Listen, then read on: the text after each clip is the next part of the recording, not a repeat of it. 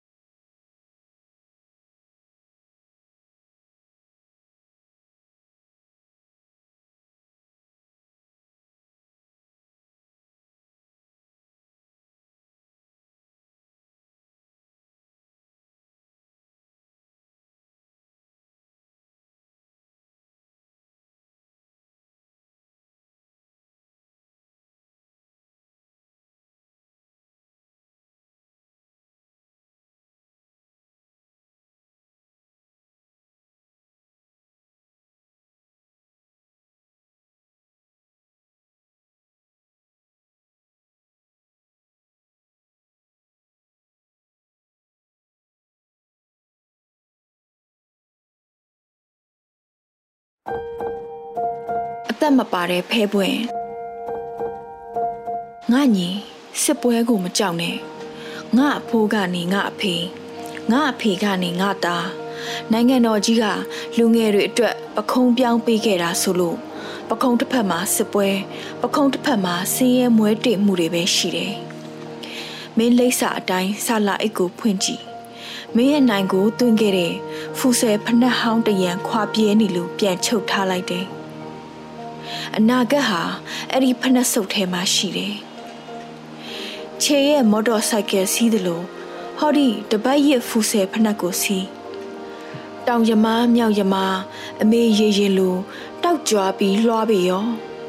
ဆက်ဆွဲငါညီဆက်ဆွဲငါညီစစ်ပွဲကိုမကြောက်နဲ့ တိုက်တိုင်းလေးအပြစ်မခံရနိုင်သလိုပြစ်ခံရတိုင်းလည်းမမှန်နိုင်ဘူးမှန်တိုင်းလည်းမသေးနိုင်သလိုသေတိုင်းလည်းအသက်ပြန်မရှင်နိုင်ဘူးစစ်ပွဲကိုမကြောက်နဲ့ငါညီ